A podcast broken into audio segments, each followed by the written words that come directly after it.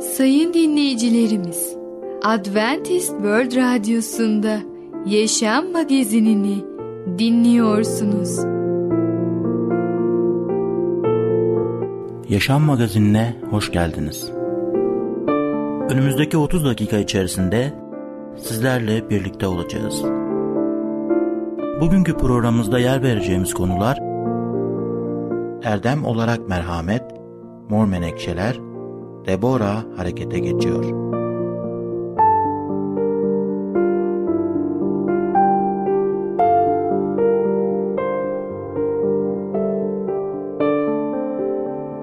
Adventist World Radyosu'nu dinliyorsunuz. Sizi seven ve düşünen radyo kanalı. Sayın dinleyicilerimiz, bizlere ulaşmak isterseniz e-mail adresimiz radio.umutv.org radio.umutv.org Bizlere WhatsApp yoluyla da ulaşabilirsiniz. WhatsApp numaramız 00961 357 997 867 06 00961 357 997 867 06 Şimdiki konumuz erdem olarak merhamet. Merhamet bizim için nasıl bir erdem olabilir? Merhaba değerli dinleyicimiz. Bereket Dan'dan Düşünceler adlı programa hoş geldiniz. Ben Tamer ve Ketrin. Bugün sizlerle birlikte olacağız. Bugünkü konumuz erdem olarak merhamet. Ketrin Hanım, siz araba sürmeyi seviyor musunuz? Evet. Bir beyefendi, Türkiye'de değil batıda yaşayan bir beyefendi araba satın almış ve bir gün yola çıkıyor ve arabasını sürüyor. Sürerken birdenbire karşısından trafik polisi çıkıyor. Trafik polisi tabii ki amacı onu korumak. Onu kendi hatalarından korumak. Ve onu durduruyor ve diyor beyefendi siz trafik kurallarını çiğnediniz. Yok nasıl yani ben trafik kuralı çiğnedim. Yok nasıl ne, hangi kuralı çiğnedim? Siz gereken hız limitini, sınırını aştınız. Yaklaşık 20-20 küsür kilometre daha hızlı sürdünüz. Yok ben kabul etmiyorum. Kabul et, kabul etmiyorum. Kabul et, kabul etmiyorum derken trafik polisi kurallar gereği ona 250 dolarlık cezayı yazıyor. Şimdi bu beyefendi ne yapacak? Hemen mahkemeye başvuruyor. Yok diyor ben kuralları çiğnemedim. Bir mahkemeye gidiyor oradan belli bir para, avukat, mahkeme, bilmem masrafları mahkemeyi kaybediyor. Şu kadar para kaybediyor, masraf ediyor. 250 dolar ödemesi gerekiyor. İkinci mahkeme, üçüncü, dördüncü, beş farklı mahkemeye başvuruyor ve toplamda 100 bin dolar para harcıyor. Hayır diyor ben adalet istiyorum diyor. Ben çiğnemedim. Niye 250 dolar ödeyeyim? Ama her gitti mahkemeye ona belli bir ceza ödemesi için karar verdiği için masrafları daha fazla ve daha fazla oluyor. Sonunda kendisi diyor ya diyor gerekiyorsa ben artık Anayasa Mahkemesi'nin en üst mahkemeye kadar gideceğim. Sonuçta mahkeme de benim tarafımı tutacağını ve benim hakkında olumlu bir cevap yazacağını, karar vereceğini eminim diye söylüyor. Peki bizim hayatta nasıl davranıyoruz? Siz şimdi Allah'ın önünde durduğunuz zaman Allah'ın adaletli olmasını istiyor musunuz? Kesinlikle Rabbimizin bize verdiği bir tarafından kendi tarafından lütfunu ve e, sevgisini o zaten bir adalettir. Ve e, onun sevgisi bize geldiği zaman, adaleti geldiği zaman biz mutlu oluruz. Çok dikkatli olalım diyorum. Çünkü biz tabii ki Allah'tan adalet istiyoruz ama diğer taraftan biliyoruz ki günahın bedeli ölümdür. Evet. Yani ben adaletli olmasını istiyorum Allah'ın tabii ki istiyorum ama diğer taraftan da ben suçlu olduğum için, günahkar olduğum için bana karşı da ölüm gelecek. Ondan dolayı bir taraftan adaletli istiyorum ama diğer taraftan da merhamet istiyorum. Demek ki merhametin de büyük bir rolü var. Aslında adalet ve merhamet onlar el ele giden ve Allah'tan ayıramazsınız. Evet aynen öyle çünkü merhamet e, Allah'ın eğer olmasaydı bize karşı sizin söylediğiniz gibi bizler ölüme gitmemiz gerekiyordu ve Allah tekrar e, başka insanları yaratması gerekiyordu. Fakat Allah bizi çok sevdiği için kendisi İsa Mesih'in arasında bir plan kurdular ve bu planı merhametinden dolayı yerine getirdiler ve bugün biz Allah'a geldiğimiz zaman o e, merhametinden, o sevgisinden onun yönünde tekrar onunla birlikte bize bir hak sunmaktadır. Ve beşinci bugün sizinle birlikte dinleyeceğimizden bakmak istediğimiz mutluluk vadesi artık bizim için bir eylem olması gerektiğini gör, görmüş oluyoruz. Yani bizim diğer kişilere karşı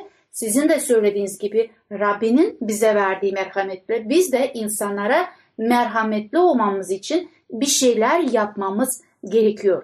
Ne mutlu merhametli olanlara. Çünkü onlar merhamet bulacak. Allah'ın sözü söylemektedir. 5. bölümde Matta'nın 7. ayette. Biliyor musunuz Ketrin Hanım? Eski Yunan filozoflardan olan Diyojen saatlerce Akropolis'in kolonlarından dilenirken birçok kişi onu görmüş. Birisi dayanamayıp neden bu kadar aptalca bir şey yaptığını sormuş. Ünlü düşünür Diyojen, neden bunu yapıyorsunuz? Aklınızı mı kaybettiniz? O taş sütün size duyup cevap asla veremez ki. Diyojen ise o taş kalpli aristokratlardan hiç duyulacağımı sanmıyorum demiş. Bundan dolayı taştan istiyorum. Peki eski Yunan medeniyeti için merhametli olmak bir erdem miydi? Bir değeri var mıydı? Eski Yunan ve Roma medeniyetlerinde şöyledir. Merhamet bir erdem olarak değer verilmiyormuş. Onlar dört erdeme değer veriyorlarmış. Hangiler onlar? Bilgilik, adalet, ılımlılık ve cesaret. Savaşlarda merhametin yeri yoktu. Tam tersine cesur olman gerekiyor. Birisi hatta yaparsa adaleti olma gerekiyor ki hak ettiği cezayı alsın. Onlar için bu bir erdemdir. Dolayısıyla merhametin toplumda bir değeri yokmuş. Peki biz şimdi e, Yunan ve Roma döneminde baktık. Kutsal kitap merhamet hakkında bize ne söylemek istiyor? Kutsal kitaba göre Allah'ın özelliklerinden bir tanesi merhamettir. Merhamet erdemi Adem ve Hava'dan başlayıp tüm peygamberler için çok değerli olduğunu görüyoruz. Süleyman peygamber bize kutsal kitapta bu konuda ne diyor? Süleyman Yüzdeyişlerinde 14. bölümde 21. ayette bize şöyle söylemektedir. Komşuyu hor görmek günahtır. Ne mutlu mazluma lütfeden, merhamet eden yani merhamet gösterene. Dolayısıyla 2000 yıl önce İsa Mesih aynı eski çağın peygamberleri gibi merhamete özellikle vurgulamaktadır. Merhamet olmadan öğrencilerin sahip olması gereken erdemler listesinde büyük bir eksiklik olacaktır. Merhametli değilseniz Mesih'in öğrencisi asla olamazsınız. Dolayısıyla biz kime inanıyorsak onun gibi oluyoruz. Yüce Allah merhametlidir. Biz de merhametli olacağız. Değerli dinleyicimiz, bugün erdem olarak merhamet hakkında konuştuk. Bir sonraki programda tekrar görüşmek dileğiyle hoşça kalın. Programımızda az önce dinlediğimiz konu erdem olarak merhamet.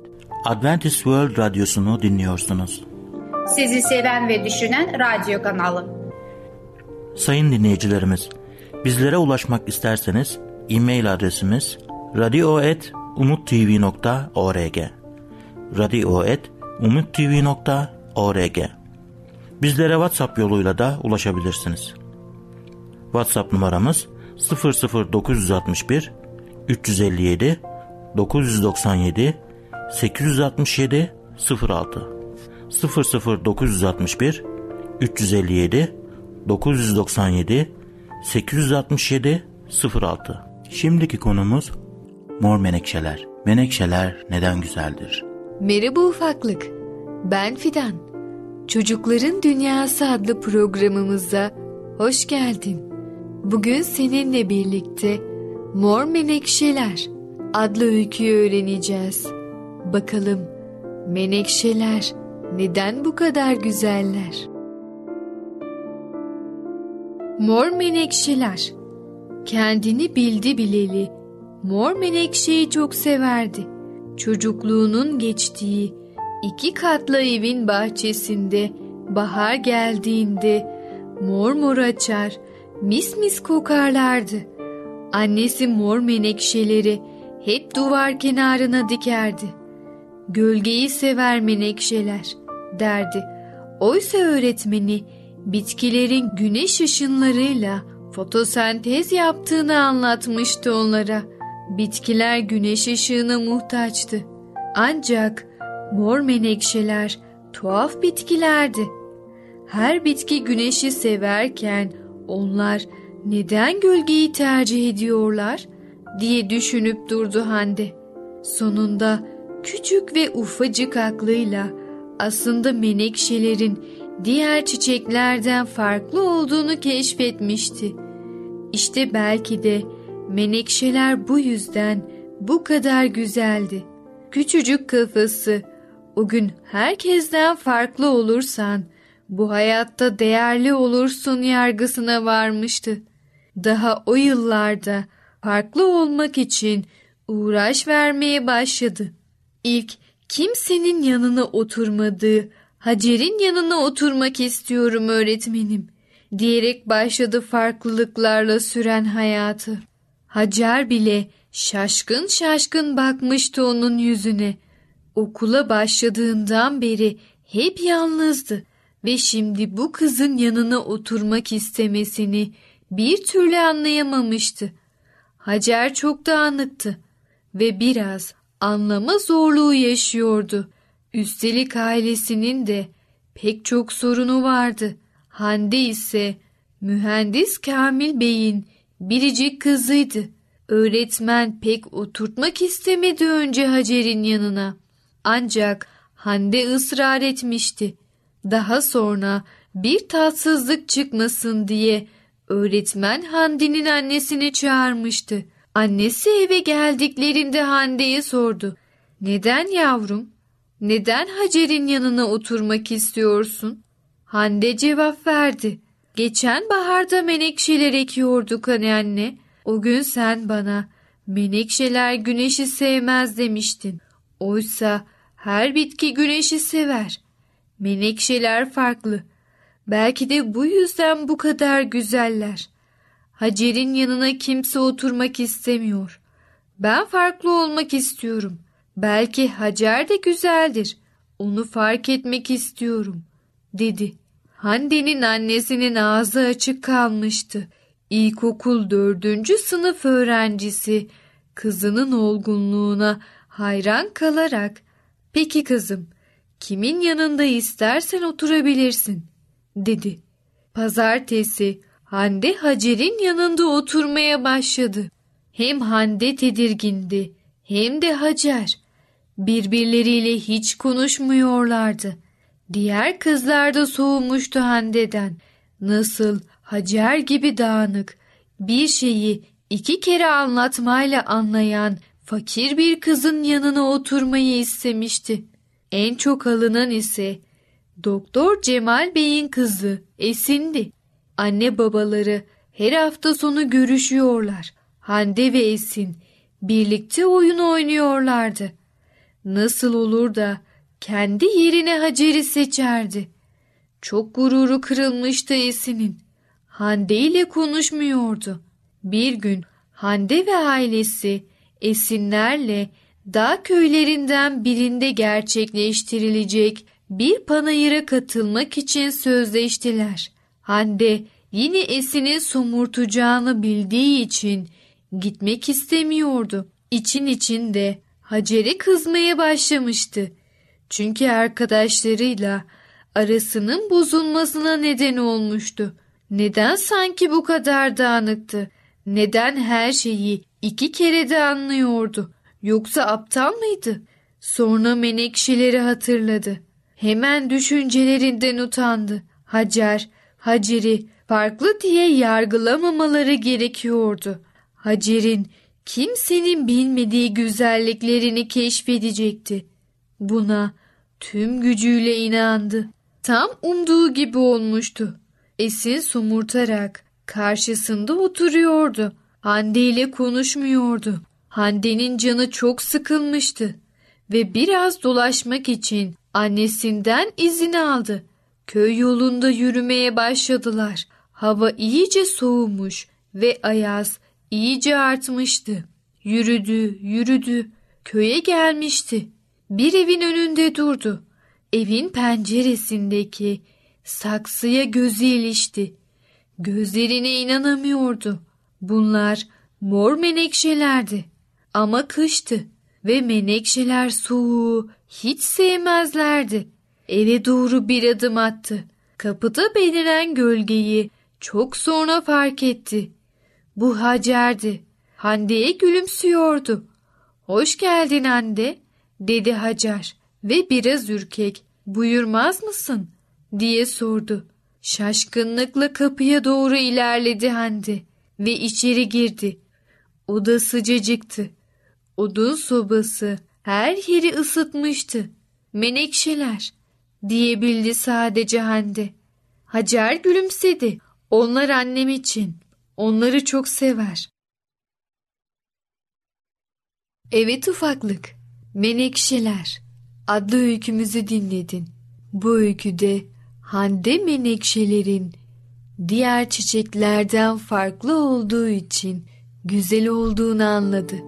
Sen de Hande gibi ve menekşeler gibi herkesten çok daha farklı bir çiçek ol.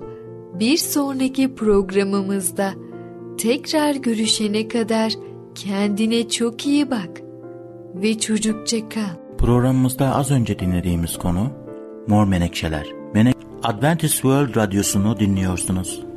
Sizi seven ve düşünen radyo kanalı. Sayın dinleyicilerimiz, bizlere ulaşmak isterseniz e-mail adresimiz radio.umutv.org radio.umutv.org Bizlere WhatsApp yoluyla da ulaşabilirsiniz.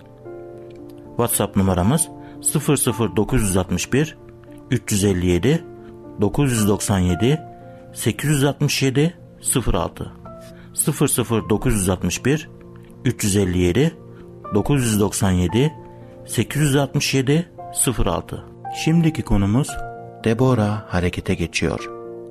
Debora için nasıl bir miras bırakılmıştı? Sevgili dinleyicim merhabalar. Kadın Olmanın Gücü adlı programa hoş geldiniz. Ben Ketrin. Bugün sizlerle birlikte bakmak istediğim yeni konunun ismi Deborah harekete geçiyor. Deborah'a sıkıcı ve umutsuz bir atmosfer miras olarak kalmıştı. Kendini hiç iç açıcı olmayan ve hatta umutsuz vaka sayılabilecek bir durum üzerinde birden yönetici hakim ve kadın peygamber olarak kendini buldu. Tabii ki neden bu kadar ağırlığı bir kadının omuzları üzerinde olduğu soruyu sorabilirsiniz. Belki de bütün güçlü ve üstünlük sahibi erkekler zalim General Cicero'nun zevki için öldürülmüşlerdi. Belki de İsrailler gitmek için tek bir kadın kaldığı için onlara dalga geçiyordu. Yahut da bu kadın farkında bile değildi. Ya da onun liderlik vasıflarına sahip olacağını aklından geçirmiyordu. Issız bir yerin tam ortasında oturan bir kadın ne yapabilirdi ki? Açıkçası çok şey yapabilirdi. Evet, halk akılsızca yanlış olanı yapmayı tercih etmişti ve şimdi de ağlıyorlardı. Deborah mahkemeleri yapacağı bir bina bile olmadan kendini iki kederli şehrin ortasında buldu. Sadece bir tane hurma ağacı vardı. Deborah'ın hurma ağacı. Burası onun yeriydi. Bu yer iki şehir arasındaki tozlu yolun ortasında adaletsizliklerle ve baskılarla karşı umut veren taze su pınarı gibiydi. Şehri koruyan duvarlar yıkılmıştı ve köyler verimli değildi. Hem İsrail'in karşısına çıkan hem de İsrail içinde olan her şey kötüydü. Hem içinden hem de dışarıdan sıkıntılar vardı. Allah'ın halkının arasında da kavgalar vardı. Durumun böyle olduğunu biliyoruz. Çünkü Deborah bütün vaktini Allah'ın halkının arasındaki tartışmaları çözmelik, çözümlemekle geçiriyordu.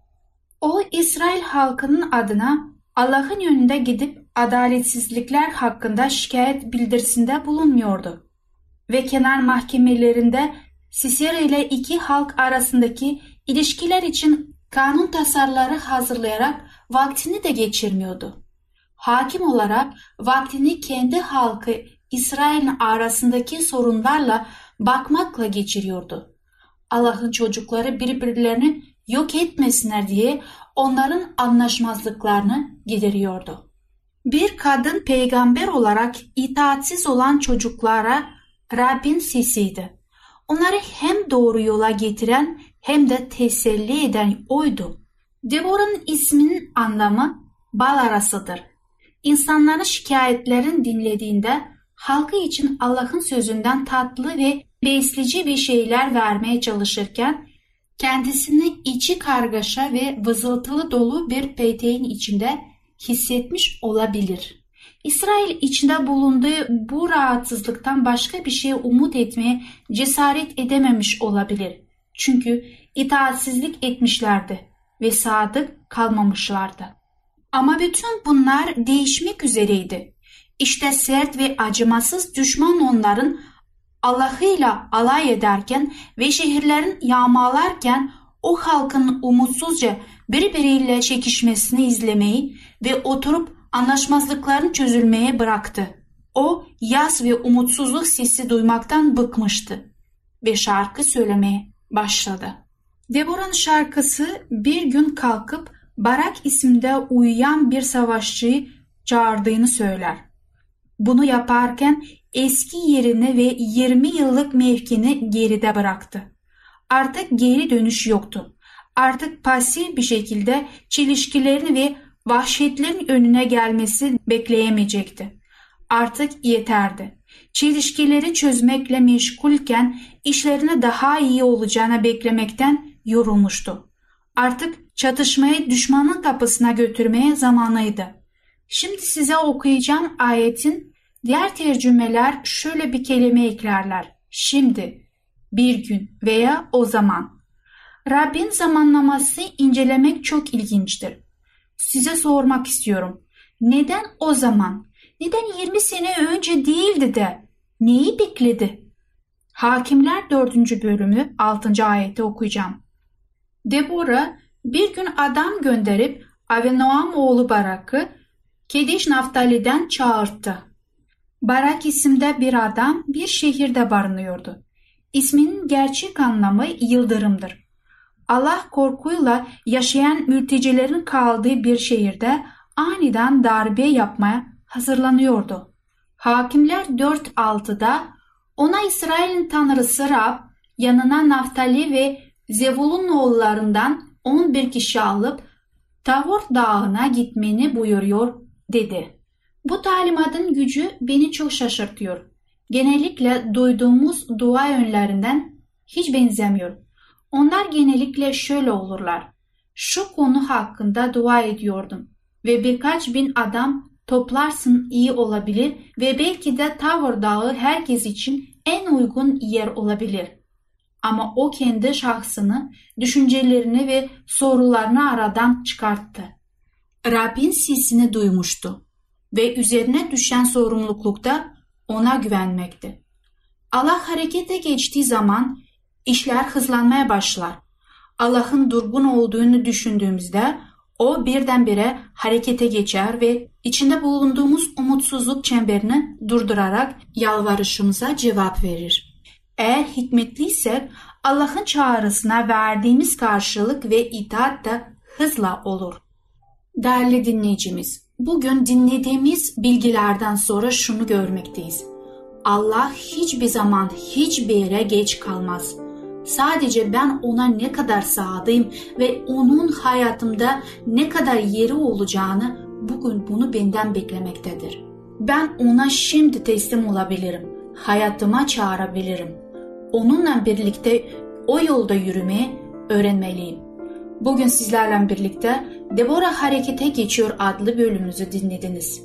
Bir sonraki programda tekrar görüşmek dileğiyle, hoşçakalın. Programımızda az önce dinlediğimiz konu Deborah harekete geçiyor. Adventist World Radyosu'nu dinliyorsunuz. Sizi seven ve düşünen radyo kanalı. Sayın dinleyicilerimiz, bizlere ulaşmak isterseniz e-mail adresimiz radio.umutv.org radio.umutv.org Bizlere WhatsApp yoluyla da ulaşabilirsiniz. WhatsApp numaramız 00961 357 997 867 06 00961 357 997 867 06 Gelecek programımızda yer vereceğimiz konular Gelenek ve din vaadini yerine getiren düşmanın pencereleri artık yok. Yaşam Magazini adlı programımızı pazartesi, çarşamba ve cuma günleri aynı saatte dinleyebilirsiniz. Bir programımızın daha sonuna geldik. Bir dahaki programda görüşmek üzere, hoşçakalın.